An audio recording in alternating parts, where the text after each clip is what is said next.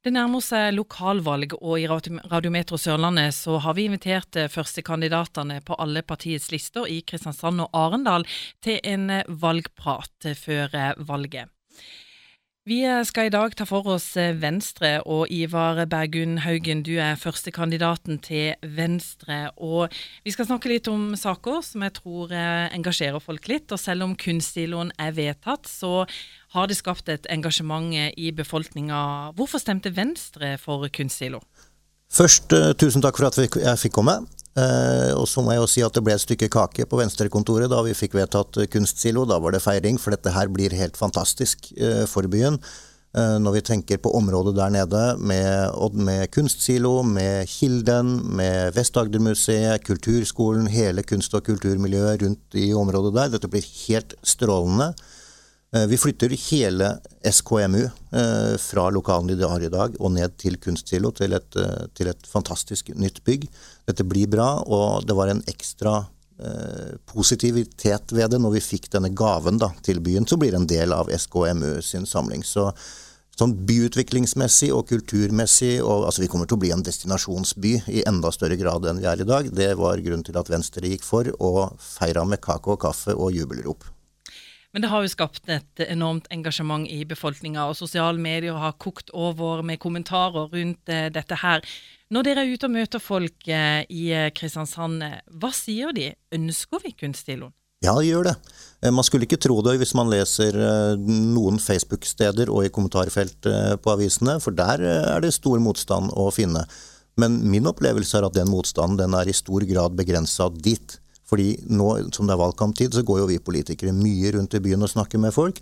Og mitt inntrykk er at mange gleder seg over dette fantastiske området vi vil få, og mange gleder seg til det blir kunstsilo. Det koster eh, Kristiansand kommune 50 millioner kroner. Eh, har vi økonomi til det? Folk ville vel gjerne ha sagt at de kunne ha blitt brukt så mange andre steder. Men de kunne ikke blitt brukt så mange andre steder, så hvis du skal ha et klart svar fra en politiker på spørsmålet om vi har råd til det, så er svaret ja. Eiendomsskatt er også en ting som eh, engasjerer, og det har florert mye i media i og med at veldig mange skal gjennom denne omtakseringa av eiendommer. Eh, vil det bli dyrere å eie bolig i Kristiansand? Det vil bli mer rettferdig og oppdatert å eie bolig i Kristiansand i hvert fall. Hvorvidt det blir dyrere eller ikke, det vet jeg ikke, for det får vi jo se når omtakseringen er gjort. Nå har vi valgt denne måten å omtaksere på fordi at det blir den mest rettferdige og presise måten. Vi kunne jo valgt eh, det som er gratismåten og henta det fra skatteregisteret, men da er det masse lokale forhold som ikke blir hensyntatt, og det ville bli skjevt og urettferdig. Ja, for det er vel kanskje litt uh, skjevt og urettferdig i dag, for uh, det er jo håper si, stor forskjell i hva man betaler. Ja, det er stor forskjell i hva man betaler. Det bør det jo også være, fordi det er jo for stor forskjell i hva verdien er. Eh, etter beliggenhet, etter tomte, altså etter en masse parametere. Så det er jo tanken at det skal bli hensyntatt ved denne måten å omtaksere på. Eh, og at det blir mest mulig rettferdig. Ingen systemer er 100% men mest mulig i hvert fall.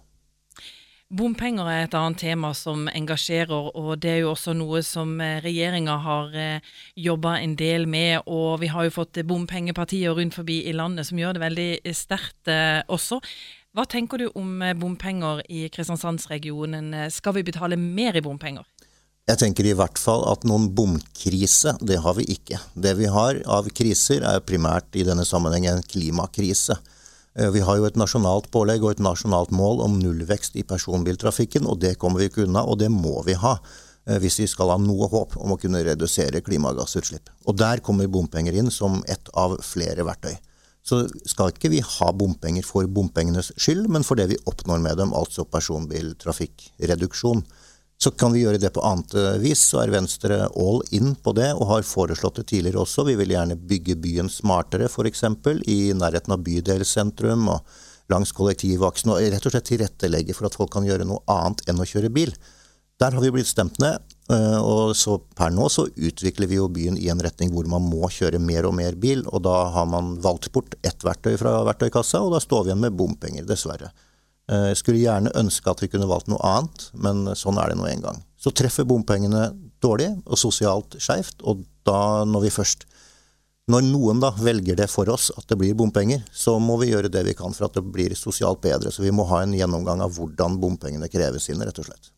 For du kan skjønne at nok er nok, og at det på en måte er i smertegrense for folk? Ja ja, ingen tvil om det. Det er klart, så er det nok, hva skal jeg si, Uttrykket 'nok er nok' er nå misbrukt så mye at det er nok å høre om det også. Men jeg skjønner poenget ditt, helt klart.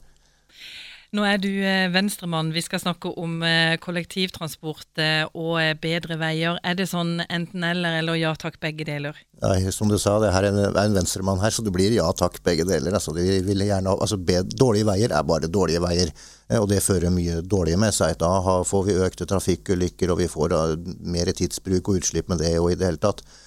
Men vi må også ha mer kollektivtrafikk og bedre kollektivtilbud. Eh, det er bra, fordi det bidrar til at vi kan bruke kollektiven, og dermed går utslippene ned. Og det er også en eh, praktiskhet i det, sånn plassmessig. Altså det, finnes, det, er jo bare plass til så mange biler på en vei, eh, og, og der er egentlig kollektivtransport løsningen. Men tenker du at saker som Gartnerløkka og kunstsilo, eiendomsskatt, at det er saker som på en måte vil gi utslag når stemmene skal telles opp etter valget? Noe utslag gjør det sikkert, men ikke så mye som de som uh, nesten lever av å skape stort oppmerksomhet rundt dette her, skulle ønske at det gjør. Eh, jeg syns det er synd egentlig at, lokal, at valgkamper i det hele tatt blir nærmest kuppa av sånne enkeltsaker, små eller store, men at det blir veldig fokus på én eller noen få ting. Eh, og så drukner egentlig mye av hva partiene ønsker å gjøre som helhet eh, for kommunen og for innbyggerne her. For det er i sum mye viktigere enn hva som skjer akkurat med kunstsilo, f.eks. Hvis eh, du eh, skal plukke ut en av hjertesakene deres eh, i Kristiansand, hvilken sak hadde det vært? Nå sitter jeg jo her som ordførerkandidat for Venstre, så, og da er det jo klima. Åpenbart som er hjertesaken der. Hvis jeg skal legge på en for meg sjøl personlig, i tillegg til klima, så blir det dette med omsorg og fellesskap.